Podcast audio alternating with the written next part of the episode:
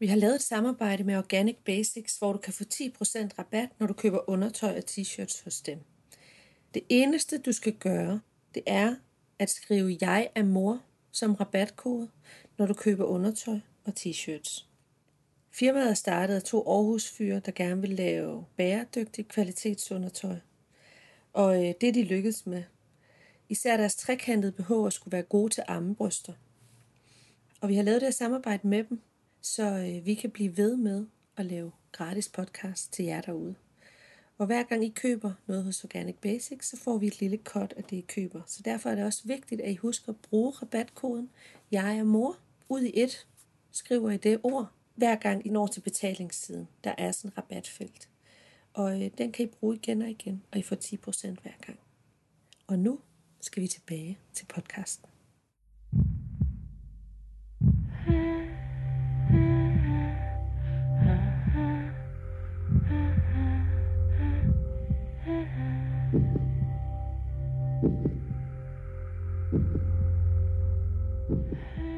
Hej Svend Aage Madsen, Hej Laura. forskningschef på Rigshospitalet. Ja. Og har arbejdet i virkelig, virkelig mange år med fødselsdepressioner. Det har jeg. Øhm, du er psykolog, Ja. og øh, jeg kunne godt tænke mig at høre om din egen rejse. Fordi det er noget af det, du har gjort, det er, at du har både beskæftiget dig med kvinders fødselsdepressioner, men du har faktisk også været ret banebrydende i forhold til at tale om mænd, der får fødselsdepressioner i Danmark. Og man, de fleste vil nok kalde dig førende ekspert på området her i landet. Måske, måske, ja. Øhm, hvad, øh, hvordan var det selv, da du fik børn? Det var jo øh, dejligt planlagt. Øh, det var en kæmpe oplevelse. Det var øh, det fedeste, der skete her i livet, tror jeg. Og jeg synes, at øh, hele livet med børnene har været den bedste måde at leve på, man kan leve. Fordi jeg synes, det, det som har været rigtig, rigtig dejligt, det er, hvordan det at have børn strukturerer ens liv. Alt andet kommer i anden række, ligegyldigt hvad man laver, og på en eller anden måde, så er alt, hvad man laver, det er struktureret omkring, at der er en kerne, der hedder, at vi har nogle børn, og vi er sammen med dem, og vi er fra dem, og alt det der, men det er hele tiden knyttet op omkring børnene, og det synes jeg har været den fedeste måde, at ens liv kunne struktureres på. Øh, når det handler om det der med nogle af de følelser, der kan være, at der kan jeg som snakker om, når vi snakker om hele det der fødselsdepression og sådan noget, så tænker jeg på, at noget af det, som, som jeg pludselig, det vi havde fået vores datter efter, øh, hun var nogle måneder gammel, jeg kan ikke huske, hvor gammel hun har været, måske omkring et halvt år, eller et eller andet i den stil. Hvor mange børn har I? Vi har to børn, en dreng og en pige, og vores datter er Iben, som har fået vores første barnebarn, og skal have vores næste barnebarn her til juni, og det er den næst største oplevelse her i livet, det er for børnebørn, kan jeg godt sige. Um, for vores lille folke, som vi henter hver torsdag, og som kommer på besøg hos os, og alt sådan noget der. Det kan jeg snakke længe om, øh, hvordan det er. At det troede jeg simpelthen ikke, at man kunne blive så lykkelig og glad og forelsket en gang til i livet i et barn, som man kunne blive i, i sit barnebarn. Men det, jeg ville snakke om, det var, at når vi kigger om de der vanskelige følelser, så kan jeg huske, at der var et tidspunkt, hvor når vores datter sov, og jeg så og kiggede på hende, og, og kunne få sådan en angst for, om hun kunne dø. At hun lå der i sengen og tænkte, ej, øh, som var sådan en, en reel angst i en, i en lille periode, jeg havde.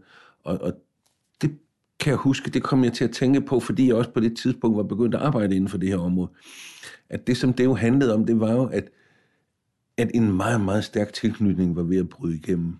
Altså, at, at det der med, at jeg kunne blive så bange for at miste hende, var jo et udtryk for den vej, det er at blive knyttet til et barn, og have det som kernen i sit liv, og øh, være forbundet med hinanden i hele tilværelsen på den måde der. Så det var for mig en af måderne at opleve noget af det, som kan ligge i, når nogen får en fødselsdepression, at der kan komme sådan nogle smertefulde eller angstfyldte oplevelser, som handler om hele den tilknytningsproces, som det hele handler om.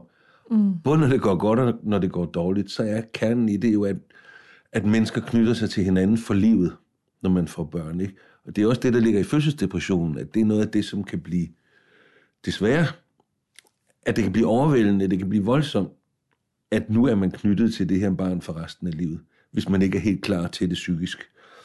Ja, men Derfor- kan man blive det?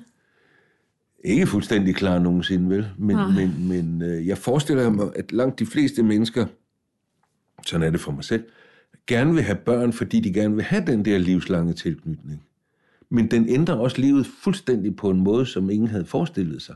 Man kan aldrig komme til nogen og sige, øh, som ikke har fået børn, altså, ved, og de ved ikke, hvad det vil sige at have fået børn. Det kan jeg huske selv, da jeg var ung psykolog og, og sad og arbejdede inde på klinik inde på, på, på øh, Københavns Universitet, det var en, en patient, der spurgte mig, en klient der engang spurgte mig, jamen har du selv børn?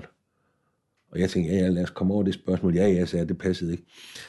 Men det, jeg ikke forstod, hvad, hvad ligger der egentlig i det spørgsmål, når man siger til hinanden, har du selv børn? At det kan man ikke forstå, hvis man ikke har børn. Og jeg kan godt forstå, at det er pisse irriterende for nogen at høre det, som ikke har selv har børn. Men når man har fået børn, så ved man, at det betyder, at det har været så skældsættende en forandring i livet. Det har ændret dit liv fuldstændig. Øh, du er aldrig ikke forælder mere. Du vil altid være forælder resten af dit liv. Det kan du aldrig holde op med at være. Så alt, hvad du laver i livet, vil også, vil også være en stor, stor del af din identitet, at du er en forælder til nogen. Uh, og det er jo det, vi mange gerne have, men det er jo også fyldt med alle mulige forskellige følelser af alle mulige forskellige slags. Der er også nogen, der sagde det der med, at dagen inden du fik barn, det var den sidste ubekymrede dag i dit liv. Resten af tiden vil du have en eller anden form for bekymring, fordi du har et ansvar, fordi du har nogen. Man behøver ikke at gå rundt og være bekymret, ikke er det. Men, men der er en, en vigtig kerne i den forandring, det er. Ja. Som jo så også for mig er, hvad skal man sige, ligger lige til, til en, en let forståelse af, hvorfor kan det også blive så voldsomt som en fødselsdepression, mm. når det er så stor en forandring på det identitetsmæssige, sociale, psykologiske, relationelle område, som, som er jordrystende på alle mulige måder. Ikke? Ja. Jamen, jeg er meget optaget af de der livsovergange, mm, og de faser, ja. man går igennem ja, der, ja. og at alle følelser faktisk bliver mere ekstreme. Ja, det Både lykken og angsten og Jamen, vreden. helt sikkert, helt sikkert. Altså ja, i de ja. overgange, ikke? Og der er det jo bare en kæmpe ind, det der med at blive forældre, ikke? Det må man sige. Øhm, man taler om den her stress-sårbarhedsmodel, mm. om at der er nogle forskellige parametre, hvor du ja. kan blive presset på, og det kan så presse dig ud i, i nogle depressive ja. situationer. Ikke? Og der... Tab og flytning og graviditet og hvad det nu kan ja, være. Ja, ja. ja. Og, og psykisk ophav, biologisk ophav, ja, øh, og, ja. og øh, Altså, og de her forskellige forskningsretninger, ikke? Altså, psykolog, der er en psykologisk forskningsretning, og, ja. og en biologisk, og, ja. og, eller sådan en Og der er mange psykologiske. ja, ja, ja. Rigtig mange og så er der nogen, der snakker om den sociologiske. Ja, ja, til, ja, altså ja, det der med, at fædrene kommer meget tættere mm. på, derfor ser vi ja. mange flere fædre, der får fødselsdepression ja, og sådan noget. Ikke? Ja. Men, øh, men tror du også, der er noget... Øh, tror du også, der er noget åndeligt på spil, når man bliver forældre? Hvad tænker du på, når du siger åndeligt? Altså noget... Øh, jeg tænker på, at, øh, at man har haft... Øh, I gamle kulturer har man haft en ritualmester tit, når man har ja. gennemgået store forandringer, ja. som har styret processen. Og den her ritualmester mm. har været forbundet med mm. tro. Altså det har været præster. Mm. Ja, ja, ja, ja, ja. Og at, at når du bliver forældre, så knytter spørgsmålet om mening og begyndelse begynder mm. at blive, altså livets begyndelse og livets slutning og mening og hvorfor er vi her På og hvad skal måde jeg give ja. videre Ja, ja, ja, at, at ja, alt ja. det kommer øh, i spil Ja, altså ja, alt ja. det hvor man svarer på det gennem religion og ikke gennem psykologi eller ja, ja. altså øh, Men jeg mener, alle de spørgsmål kan man godt stille uden for det religiøse, Ja. ja. efter min opfattelse. For jeg synes, at det handler meget om meningen med livet og få børn. Og jeg er, er religiøs. Det handler meget om, øh, hvad vil man gerne give videre, hvad er vigtigt i livet, øh, og hvad er det for et liv, de kommer til at leve frem i fremtiden, hvad for en verden kommer de til at leve i, og alt sådan noget, som jo er efter min mening jo også nogle, nogle meningsspørgsmål, som vi alle sammen har, uafhængig af religion Ja. og sådan noget. Ikke? altså med noget guddommeligt på en eller anden måde Ja, altså noget der er større end mennesket Ja, så, sådan tænker jeg det ikke. Nej, jeg tænker, det ligger i mennesket. Jeg tænker, det ligger i selve... Altså, det, det er selve det, det er at være menneske. ja Selve det at være menneske er at få børn og, og leve et liv og forbinde sig med hinanden, have relationer til andre. Altså, jeg synes, mennesket er så stort, vi behøver ikke have noget uden for mennesket. Der er masser af plads inde i mennesket til at gøre det rigtig, rigtig stort, efter min opfattelse. Ja. Respektere Man kan jo også spørge, om Gud er noget, altså om Gud er i mennesket ja, eller uden for mennesket, det ved jeg ikke. altså, nej, men, nej. men i hvert fald tænker jeg bare, at, at øh, det er nogle af de største spørgsmål, vi har i livet, Ja. der er knyttet til forældreskabet, der er knyttet til, hvordan vi bliver forbundet med vores børn, og hvordan vi bliver forbundet med vores børnebørn og, og, og, og, fremtiden og alt sådan noget. Det ligger jo i de relationer der, kan man sige. ikke? Ja. Jeg tror du flere får fødselsdepressioner i dag end tidligere? Øh, hvis jeg skal være, være mest tænker, så siger jeg, Nej, ikke rigtigt. Okay. Men jeg tror, at vi for det første kommer til at opdage langt, langt flere. Fordi fædre er mere på banen. Og fordi man dyrker mere forældreskabet og snakker om det og alt sådan noget. Ikke? Og det har man jo ikke gjort før. Altså, hvis vi bare ser på alle de bøger, der kommer om faderskabet nu, der findes ikke en stand-up-komiker, som ikke udgiver en bog, når han bliver forældre, vel? Og på den måde findes der pludselig hundredvis af bøger om at være far, og hvordan det er at blive far, og min, hjælpe min kone er gravid og alt muligt. Så noget så man jo ikke for 30 år siden. Så det er fuldstændig nyt i vores kultur. Og deri kommer vi til at opdage, at der er mange følelser forbundet med, når vi nu taler om fædre og fødselsdepressioner, end, end vi nogensinde har, har set før. Jeg tror, der er mange fædre, som har fødselsdepressioner, som ingen har tænkt, at dette var en fødselsdepression. Når han pludselig begyndte at drikke, når han pludselig skred hjemmefra, når han pludselig gjorde alle mulige forskellige ting, er der aldrig nogen, der har tænkt den tanke, det havde noget at gøre med, at han var blevet forælder. Mm. Når han pludselig en masse utroskab eller alle mulige forskellige ting, så tror jeg, og det ved jeg fra vores fag, fag, fagvirke inden for det her område, at der er ingen, der har tænkt det på den måde. Man kan sige, mens måde at være fædre på er i forskningen først og fremmest blevet set om, hvordan har det påvirket mor-barn-forholdet. Har det været godt for mor-barn-forholdet, eller har det været dårligt for mor-barn-forholdet? Det er jo meget sent, man ligesom er kommet ud og har set en, hvad skal man sige, øh, hvordan er forældre-barn, eller far-barn-forholdet i dets egen ret. Allerede Margaret Mead, som var ude at studere alle de der kulturer rundt om i verden, som hun er jo ikke nogen sådan meget øh, eksakt forsker, men hun var antropolog og kiggede på alle de der øh, små samfund rundt i Polynesien og alle mulige andre steder. Hun fandt jo ud af, at i stort set alle kulturer havde man ritualer for at holde mændene væk fra spædbørnene. Det har man så altid tolket sådan, jamen det er jo fordi løverfar, de æder deres børn og alt sådan noget. At det har været sådan en meget dyrisk tolkning. Det, der var kernen i det, var jo, at, og som Margaret Mead sagde, som jeg synes var så flot, det var, hun sagde, jamen kan i det er jo, at hvis man lader fædrene få lov til at være sammen med spædbørnene på samme niveau som moren, så får man dem jo ikke jaget ud på marken og på togter og på jagt og fiskeri og alt sådan noget igen. Så vil de knytte sig stærkt til barnet.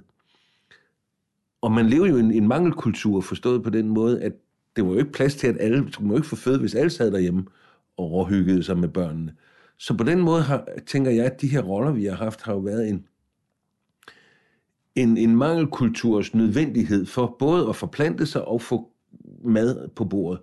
Og så har man haft de her roller, og så har vi jo så kommet i nogle mere og mere bedre velfærdssamfund hen ad vejen, som så har gjort, at jamen nu er der plads til begge dele, og jo at kvinderne kommer ud på arbejdsmarkedet, så kvinderne har også vist, at man kan godt stadigvæk både være en forælder og en, der har et aktivt liv uden for hjemmet. Og det er jo den, tror jeg, bevægelse fædrene er i de her år, hvor mændene på nogen måde bevæger sig i modsat retning fra, at arbejdslivet er det eneste i verden til at nærme sig familielivet, hvor kvinder i 80'erne, 90'erne og frem efter bevægede sig fra, at familielivet var kernen, til at bevæge sig ud på arbejdsmarkedet. Og der er masser af konflikter, dem støder mænd på også i de her år, og det tror jeg er en vigtig ting i at forstå mænd, også i nogle af de vanskeligheder, vi ser omkring forældreskabet, at de, ligesom kvinder har haft de modsætninger mellem, hvad vil jeg gerne ud i livet, og hvad vil jeg gerne med min familie, de, så vidt jeg har forstået, at de stadigvæk ikke løst, øh, så har, har møder mændene nu de samme ting, og jeg tror, man kunne have meget ud af at tænke på mange fædre og mænd, som de er i det samme konflikt.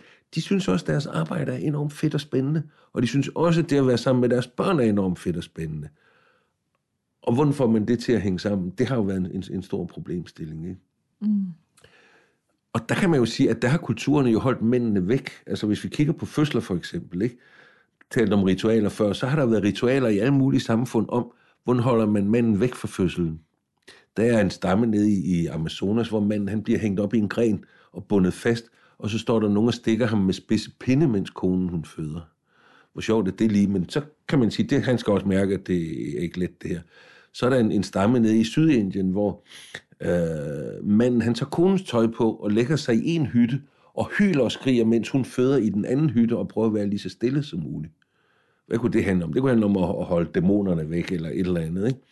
I Tibet er det sådan, at man mener, at hvis manden han kommer til den hytte, hvor fødslen foregår, så vil vejerne gå i stå. Så der er fødselshjælper beskæftiget med at holde manden væk fra hytten. Så på alle mulige måder kigger vi rundt om i verden, så har der været ritualer for, hvordan mænd er blevet holdt væk fra fødsler. Uh, I Thailand er der en stamme, hvor uh, det er så en af dem, jeg vil foretrække, hvis det skulle være.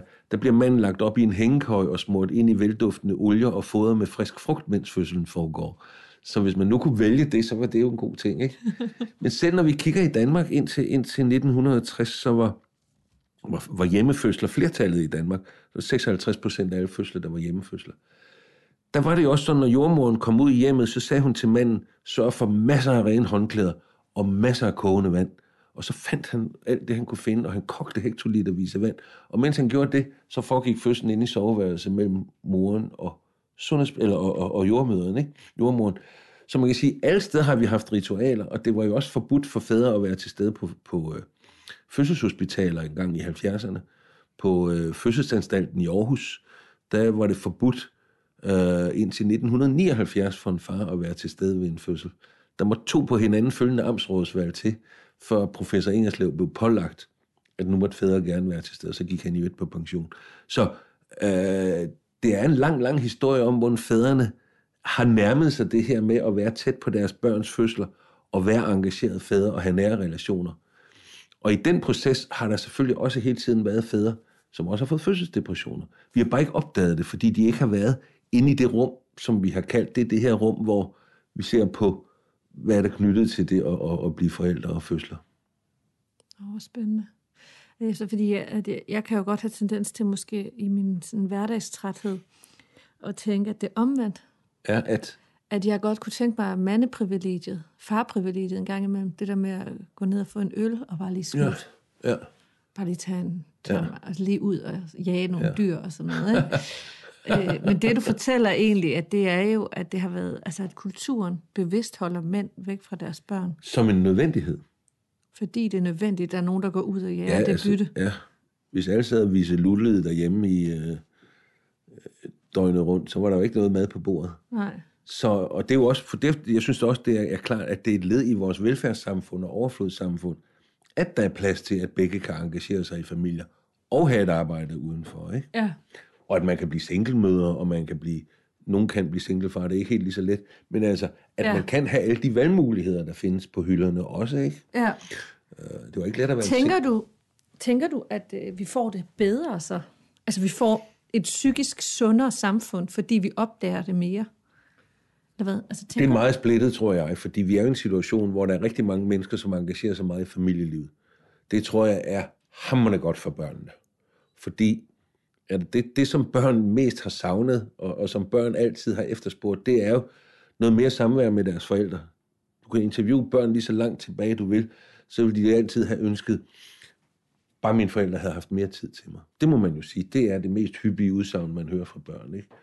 Øh, så det tror jeg er en kæmpe fordel. Men det vi ser i de her år, er jo en meget, meget mærkelig opdeling, fordi det bliver jo sådan, at 25 procent af alle mænd får aldrig børn. Vi kommer i et samfund, hvor en, en fjerdedel af alle mænd aldrig bliver forældre. Og tre fjerdedel måske bliver meget optaget af deres familieliv. Og den, den gruppe, jeg er mest bekymret for i de her år omkring kønnene, det er jo, at der bliver en kæmpe stor gruppe mænd, som ikke har nogen nære relationer, som har en ensomhed, som ikke har ret mange fællesskaber, fordi de aldrig får en, de bliver singler. 45 procent af alle ufaglærte mænd kommer til at leve et single-liv. 35 procent af mænd kommer aldrig, af de ufaglærte mænd får aldrig børn. Så jeg tror, vi får en meget, meget mærkelig opsplitning i vores samfund, hvor der er nogen, hvor børnene er kernen i livet, og så nogen, som aldrig får besøg på plejehjemmet, når de bliver gamle, og som lever et, et meget ensomt liv. Så om vi bliver sundere og psykisk bedre i vores samfund i de her år, det tror jeg er meget splittet op. Så det bliver faktisk mere grupper. polariseret? Det, det vil jeg sige i livsformer. Altså, vi tænker på, hvordan moderne familier går op i deres familieliv, og så nogen, der ikke har en familie, så er der jo en verden til forskel i, hvordan vi, vi lever vores liv, kan man sige. Ja. Hvad med kvinderne? Ja, kvinderne, de øh, har jo nogle mænd, som tager mere og mere del i ansvaret for børnene. Vi har lige set en ny undersøgelse af inden for, hvor det inden for 10 år har mændene fordoblet deres tid sammen med, samvær med deres børn i forhold til var det fra 85 til nu, eller jeg kan ikke huske det, men inden for en eller anden periode, det kan også være, det var fra slut 90'erne, men i hvert fald fra man begyndte at måle det, har fædre fordoblet der, den tid, de er sammen med børnene. Øh, så jeg tænker, det er jo en rigtig, rigtig øh, vigtig udvikling. Det går langsomt med barselsårlov, men trods alt sker der noget på området, og der kommer nogle nye tiltag og sådan noget. Øh, der er andre lande, der gør det meget, meget bedre. Kvinderne ser ud til at finde ud af både at kunne være familiemennesker og og hvad med alt det her stress og depression? Det er og... jo en, en stor del, og det bliver den største sygdomsbyrde i vores samfund. Det tilskriver jeg arbejdslivet. Okay. Først og fremmest. Ja. Uh, altså forventningerne til... Ja, de skal bare lave alt for meget mennesker. Altså stressfaktoren, som også kan føre til depression, tænker jeg. Uh, og den ser vi mest hos kvinder, fordi de spørgeskemaer, man har, der handler om stress, er noget, som kvinder vil svare højt på, og mænd vil svare lavt på. Okay. Jeg er overbevist om, at der er lige mange mænd og kvinder, der har stress. Der er lige mange mænd og kvinder, der har depression. Men vi får ikke opdaget mændene så meget. Men, men øh, det skal nok komme hen ad vejen. Men jeg tror, det, det, det er arbejdslivets krav, der først og fremmest kører folk ned, tror jeg. Altså. Okay, så det er det næste. Først så laver vi familie. Ja, og så og håber så jeg, at familierne vil virkelig stille krav om deres livsvilkår. Ja. Altså jeg var på en, en, en uh, seminar, en workshop her for nylig, hvor vi snakker om, hvorfor er der egentlig ingen pressionsgrupper, der er ude og kæmpe for familiernes ordentlige vilkår og børnenes ordentlige vilkår. Mm. Nu er det sundhed, der står nummer et på dagsordenen, så er det klima, det er også fint. Desværre står flygtninge og indvandrere også højt, det vil jeg gerne være fri for. Men det der med børnenes vilkår i daginstitutioner, hvor få pædagoger der er, hvor få alt det der, der er til børnene, det er der næsten ingen, der er ude at presse på for. Det synes jeg er rigtig, rigtig ærgerligt, fordi mm. det burde være en del, når vi har så mange engagerede familier i dag, at det var, at de var ude og virkelig presse på for at få ordentlige daginstitutioner, for ordentlige pasningsforhold, for ordentlige mm. alle mulige ting for børnene. Mm. Øh, så det synes jeg er rigtig, rigtig hårdt. Og det betyder jo også, at, at mange kvinder de går på deltid, fordi de synes, det simpelthen er for hårdt at se for børnene. Det vil jeg jo gerne have, at der er nogle mænd, der også gjorde. Ja og sagde, det er fandme for hårdt at se mit barn. Så jeg går på 30 timer i stedet for. Og det ved jeg da også, det finder sted. Men det kunne være rigtig dejligt, der ikke var den store kønsbarriere, når det handler om, hvem tager barnets første sygedag, hvem ja. skruer ned på arbejdet i forhold til ja. at prioritere familielivet. Altså, det tror fordi, jeg er på vej, og håber jeg. Altså, fordi kampen er jo meget ude i de små hjem. Hvem skal blive hjemme i dag? Ja, Ja. Altså det er jo ikke sådan, ja. man tænker jo ikke politisk, øh, nej, nej, altså nej, man nej. tænker jo sådan, okay, ja. men hvem kan gå fra, ikke? Ja, ja, ja. Øh, hvem har det vigtigste møde? Helt sikkert. Det har vi kone og jeg prøvet mange gange. Vi havde vores dreng, som han var simpelthen så meget syg hele tiden, altså bare snot og mellemø og dit og dat og dyt. Så, så øh, da jeg havde oplevet, at jeg havde haft 35 sygedage og 15 barnets første sygedag på et efterår, så gik jeg op til min ledelse og sagde, at jeg det går ikke det her mere, jeg bliver nødt til at bede om overlov. Så jeg fik tre måneders overlov dengang, der hvor min, min, vores dreng var syg hele tiden. Og, og der var jeg jo så heldig, at der var en læge, som sagde, jamen det her, det skal vi da have igennem også op i kommunen. Så jeg fik faktisk fuld øh, løn under den overlov der. Hold okay. Det blev som om, det var et handicappet barn. Og der sagde de, vi kan også afprøve den her paragraf. Det kender vi jo med børn, der har alle de her ting. Så det var jo en fantastisk ting at gå og få de tre måneder der. Øh, men vi havde også mange ting om, hvordan det var dengang, der for min kone og jeg. Og ja. Det, jeg synes var det allerfedeste, det var lige så snart, man havde besluttet sig til at blive hjemme. Så fuck med det. Ligegyldigt hvad. Lige så snart man lige skrevet over den der, så er det lige meget. Ja. Sådan har jeg tænkt det. Men inden jeg tager jeg har en klient, og jeg har dit og dat, det, det føler man jo stort ansvar for. Ikke? Ja. Men altså samme øjeblik, man så har taget beslutningen ud af sind. Ja. Det synes jeg var, var rigtig at få, meget godt at få gjort det. Ikke?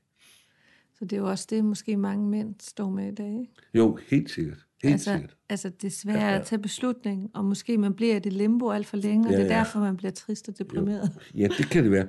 Og så fordi der er så mange mennesker, der er ansat i det der prekariate, som det kaldes, altså de er på nogle projektansættelser, de er nogle midlertidige ansættelser. Det er jo noget andet, mm. end at være i en fast ansættelse i en funktionærstilling med funktionærrettigheder, hvad man nu har. Ikke? Mm. Så der tror jeg, at mange af de familier, der har sådan noget årmålsansættelser af forskellige slags, de føler sig mere presset af, når børnene bliver syge, ikke? fordi mm. der er altid forlængelser på dagsordenen på en eller anden måde. Mm. Det synes jeg er hårdt. Meget hårdt. Mm. Og det er der, jeg mener, det er arbejdsmarkedet, der presser familierne. At, ja. at øh, hvis man ikke bare lige kan, kan, kan passe sit barn, når det er sygt, det skal man jo. Ja. Det er jo det vigtigste i verden. Hvad, øhm Tror du, kvinderne bliver, bliver sundere? Nu talte vi om mændene før. Det er meget svært at sige. Og, og at kvin- min oplevelse af, at kvinderne er mindre polariseret, ikke? hvor mænd er... Jo, men jeg tror, vi har en fejl, fejlmåling i det der med, at det altid hedder, at der er dobbelt så mange kvinder som mænd, der har depression. Og der er dobbelt så mange, eller hvor mange det nu er, flere kvinder, der er stressede. Som jeg prøver at antyde før, når vi ser på de målinger, vi bruger, i forhold til, om man har psykiske problemer eller ej, så er der, de, hvis der er de samme cut-off point, point i forhold til, om mænd og kvinder skal svare på de spørgeskemaer, så er der bare mange flere kvinder. Fordi ja. kvinder er bedre til at italesætte deres, deres lidelser, og hvordan de har det. Mænd taler ikke så meget om, hvordan de har det, og det er jo en forudsætning for at få en diagnose, det er, at man siger, hvordan man har det. Til gengæld er der dobbelt så mange mænd som kvinder, der har diagnosen alkoholmisbrug. Der er 83 procent af dem, der har en diagnose for ludomani, det er mænd. Det, der karakteriserer den type diagnoser, det er jo en adfærd. En social uacceptabel adfærd. Så mænd får meget højere oftere en diagnose for en adfærd, mens kvinder får i høj grad en diagnose for, hvordan de har det. Fordi de snakker om, hvordan de har det. Og derfor betyder det jo også i høj grad, at, at man skal finde ud af at sænke og udforme spørgsmål, som svarer til begge køns måder at fortælle om øh, deres øh, tilstand og sådan noget på. Ikke? Hvis du kigger på det, som når man går ud og siger, at der er, øh, at en tredjedel flere kvinder, der har stress, så lyder alle de spørgsmål i de skemaer, de hedder, har du følt dig, har du følt dig, har du følt dig, har du følt dig, har du følt dig, har du følt dig. Og så ved vi så, at mænd scorer lavere på sådan en skala. Det gør de bare, uanset hvor Er det fordi mænd ikke ved, hvad de føler, eller hvad? Nej, fordi de har en, en, en tilstand, som, som både handler om, at uh, nu skal vi heller ikke gøre det værre, end det er, uh, så de ikke ved, at det er vejen til at få hjælp. At de ved ikke, at det er en god måde for at få hjælp at sige, uh, hvordan man har det. Men jo også fordi, ligesom vi snakkede om før med, hvad har kulturen lavet af forskelle, så har det jo ligget i mænds opdragelse og psyke og hele kulturen forventning om, hvad en mand er, at der har det jo aldrig været produktivt at gå rundt og mærke efter, hvordan man har det. Når man skal køre som langturschauffør, eller man skal stå ved stansemaskinen, eller man skal ud og fiske, eller man skal på jagt, eller man skal forsvare hulen mod jo... sabeltieren, så er det jo ikke produktivt at sige, ah, jeg synes ikke, jeg er rigtig oplagt i dag, jeg tror, jeg springer over. Altså, at beskæftige sig men... med, hvordan man har det. Det har jo været en fordel for kvinder, ja. som har taget sig af familielivet, at de var gode til at mærke følelser. Men hvad så, når mænd er så meget hjemme, så bliver de jo nødt til at lære det. Og det ændrer sig. Jeg er okay. ikke et sekund i tvivl om, at den største forandring i det maskuline og mændene, der er sket, det er, at de nærmer sig familien og de nære relationer. Ligesom det nok er den største forandring for kvinders position, at de er kommet ud på, på et offentligt arbejdsmarked. Det er jo ikke, fordi kvinder ikke har lavet noget, men det har været hjemme, de har lavet noget i høj grad tidligere. Så jeg tror, at de, altså, mænd og kvinder inden for de her 50 år kommer ud af de største kønsforandringer, man overhovedet kan forestille sig, ved at kvinder kommer ud på arbejdsmarkedet og bliver og kan lave alt muligt ud på arbejdsmarkedet. Og mænd kommer hjem og kan lave alt muligt med børnene, bortset fra ampen. Det tror jeg er, vil også ændre, hvad det vil sige at være en mand, fordi nu, hvis man tager ansvar for sit barn, så begynder man også at mærke efter følelser, og hvad for nogle tilstande er vi i, og sætte ord på det, og alt det der, og Manden går også til børneundersøgelser hos lægen og siger, jeg har også lige et tillægsspørgsmål om mig selv, og alt sådan noget, som kvinder har været rigtig gode til. Og det tror jeg er den største forandring i det, man kunne sige manderollen, hvis man vil bruge sådan et begreb, som vi nogensinde har set. Det er spændende. Det er meget spændende. Jeg har faktisk ikke læst spørgsmål. Nej. Så kom vi under mit livsværk, det var godt. Nå ja. Jamen, hvordan kom du til at arbejde med alt det her med mænd? Jeg kom til at arbejde med det omkring fødsler, da jeg arbejdede som psykolog i Rødovre Kommune. Og vi så en masse børn, som fik nogle henvisninger og, og forskellige måder, de blev... Øh, altså havde, havde vanskeligheder på, som der så kom nogle forskellige beslutninger om, hvad skulle der ske med dem. De skulle have støttepædagoger, de skulle have dit og dat og du. Det, det gik så op for mig på et tidspunkt, at hvorfor bliver alle de her børn først opdaget, når de er fem år gamle? Og det tænk, kom jeg til at tænke på det begreb, der hedder, at jamen, vi opdager børns problemer, når de bliver et problem. Ja. Men vi, kunne ikke, vi var dårlige til at identificere, hvornår har de egentlig et problem. Og de har det altid det der, med, der hedder overgang fra vuggestue til børnehave, hvor der pludselig er halvt så mange pædagoger, så bliver deres adfærd et problem. Men det barn, der har det sådan, havde jo også nogle vanskeligheder i vuggestuen.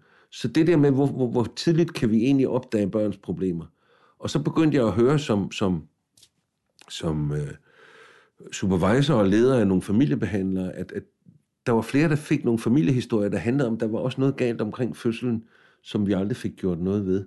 Så jeg lavede en lille, en, en lille undersøgelse, tog de 34 familier, vi havde i behandling på et bestemt tidspunkt, og så bad jeg familiebehandleren om at gå ud på at få historien omkring det her barns fødsel, som nu har en, en, en henstilling af en eller anden slags øh, ting. Og de gik så ud og kiggede, og så viste det sig, at i 14 af de, af de 34 familier, der havde der været nogle psykiske reaktioner, som vi i dag ville kalde fødselsdepression, omkring de her børn, som havde vanskeligheder. Men som ingen havde opdaget, og ingen havde gjort noget ved, og, og ikke aldrig havde været en del af hele hjælpesystemet. Så nogle af de børn, de var altså født ind i en historie, hvor moren havde, og der var det kun moren, vi så dengang, havde det rigtig, rigtig dårligt. Uh, så det, det fik mig til at lave noget, som vi kaldte fødselsprojektet i Rødovre, som handlede om, hvordan kan vi tidligt opdage i samarbejde med jordmøder, sundhedsplejersker og praktiserende læger allerede med graviditetsbesøg, hvor nogen har nogle vanskeligheder, så vi kunne give noget hjælp tidligt. Og det førte så til, at, at, at vi også lavede noget, som hed fødselssamarbejdet i Rødovre og Vestegns samarbejde om fødselsproblemer, hvor alle de her fagfolk gik sammen om at opdage vanskeligheder tidligt. Jeg begyndte så at beskrive det, og så jo så, at øh, jamen, i 70 procent af alle de tilfælde, hvor der var det, vi kaldte fødselsproblemer, så var det moren, der havde nogle psykiske vanskeligheder. Og da vi stadigvæk ikke opdagede faren, og så begyndte jeg at lave en Ph.D.-afhandling om, der pludselig optrådte der så en far i mit materiale, som fortalte om, at han havde det skidt, da han fik at vide, at hans kone var gravid. Så da jeg lavede den uh, øh, Ph.D.-afhandling, så var der også mange, der spørger, hvorfor er der nu en mand, der laver det her, når det, hedder, når det ikke er sjovt at blive mor, kun er sjovt at blive mor. Så jeg besluttede mig til, at jeg ville lave noget om fædre, og så kom jeg ind på Rigshospitalet, og øh, lavede så en aftale der, der hed, jeg kom ind i et center, som er fødsel- og børneafdeling, som hed Julian Marie Centeret for kvinder, børn og forplantning. Og der synes jeg, der manglede en detalje der, nemlig fædrene. Så jeg lavede en aftale om at arbejde med fædre og fødsler og sådan noget derinde på Rigshospitalet, og så kom vi i gang med at få nogle forskningsmidler, og da vi så begyndte at snakke med mænd om at blive fædre, så hørte vi jo, og det var det, jeg oplevede, at jamen, der er nogle af de mænd, der har nøjagtigt de samme problemstillinger, som vi har oplevet med kvinderne. Så det fik mig så til at sige, at altså, der mangler virkelig noget her, og, og, og øh, vi må lave en, en, et program, som vi, vi opbyggede noget, som vi kaldte Rigshospitalets Fæderforskningsprogram, som startede i 1997, som stadigvæk fungerer, og som har, ud, har udkrystalliseret en hel masse forskellige ting omkring fædre, og mere og mere omkring det med fædres psykiske reaktioner, kan man sige, ikke? som så er blevet øh, det, som jeg så har arbejdet med de sidste år. Man kan sige, i de sidste 10 år har jeg næsten kun haft mænd i psykoterapi. Enkelt kvinde en gang imellem, og har arbejdet for at, at ligesom sige, hvad er så det særlige ved mænd og det med at få hjælp? Det første er, at de ikke søger hjælp. Det andet er, eller det første er, at de ikke engang, når de har det psykisk dårligt, måske er så gode til at definere for sig selv, at de har det psykisk dårligt. Så hvordan, hvordan får mænd overhovedet lavet ord på, at de har et psykisk problem? De siger måske bare, at nej, jeg har det ikke så godt. Og hvis man ser en mand, der siger til ham, du ser ikke ud, som om du har det særlig godt, så er der jo mange mænd, der siger, jeg er bare så træt. Og nu, nu om stunder må man også godt sige, at jeg er lidt stresset for tiden. Men alle de andre følelser af usikkerhed og angst og sorg og savn og forladthed og alle de der ting, har mændene ikke så mange ord på.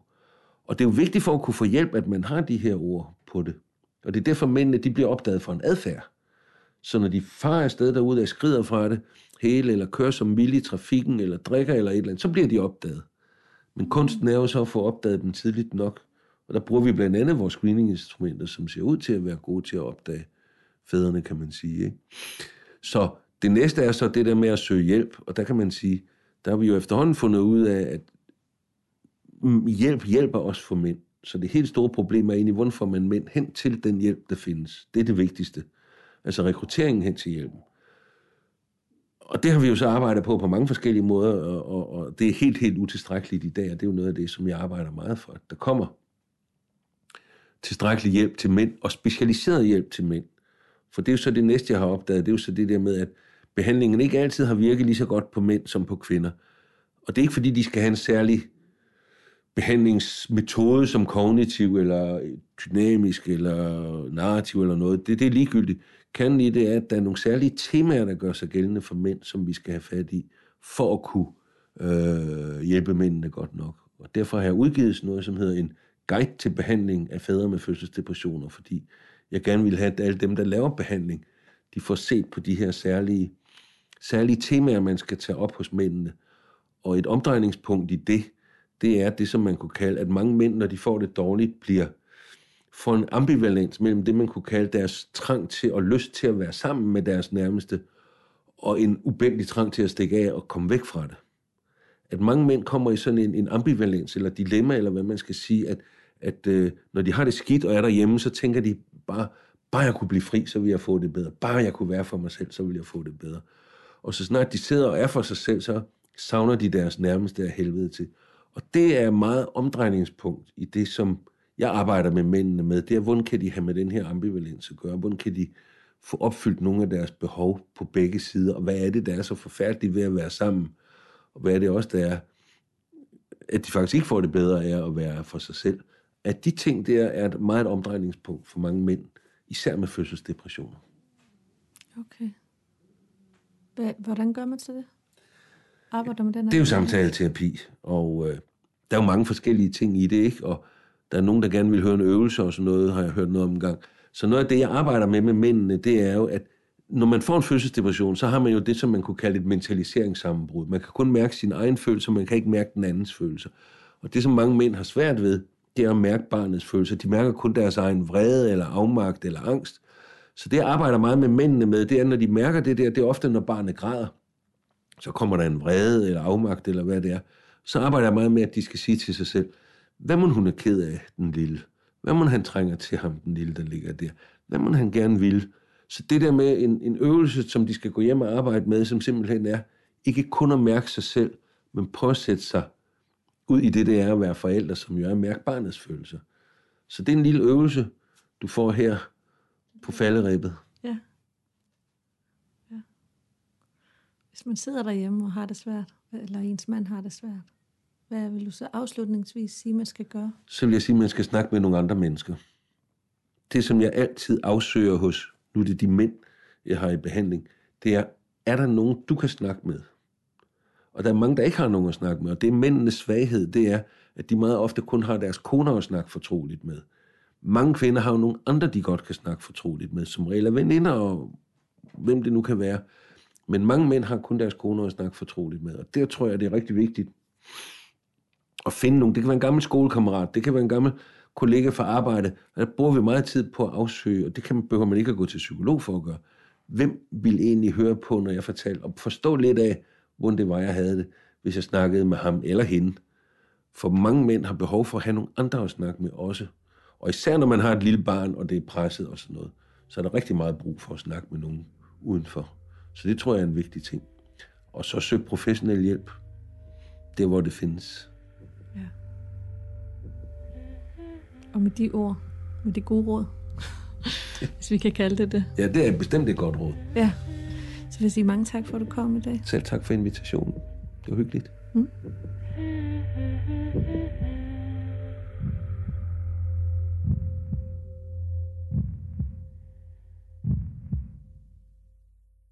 Kunne du lide, hvad du hørte, så gå ind i App Store og find Jeg er mor-appen. Appen er et helt lydunivers fyldt med podcast til mødre. Den er gratis at hente, og du kan snuse rundt i appen og høre, om det er noget for dig. Kvinder, der bruger appen, beskriver, at de får en bedre barsel og en bedre start på deres forældreskab ved at have det sted, de kan gå hen, putte noget i ørerne og få noget til mor. Du kan også følge os på Instagram og Facebook, der hedder vi også Jeg er mor. Vi ses.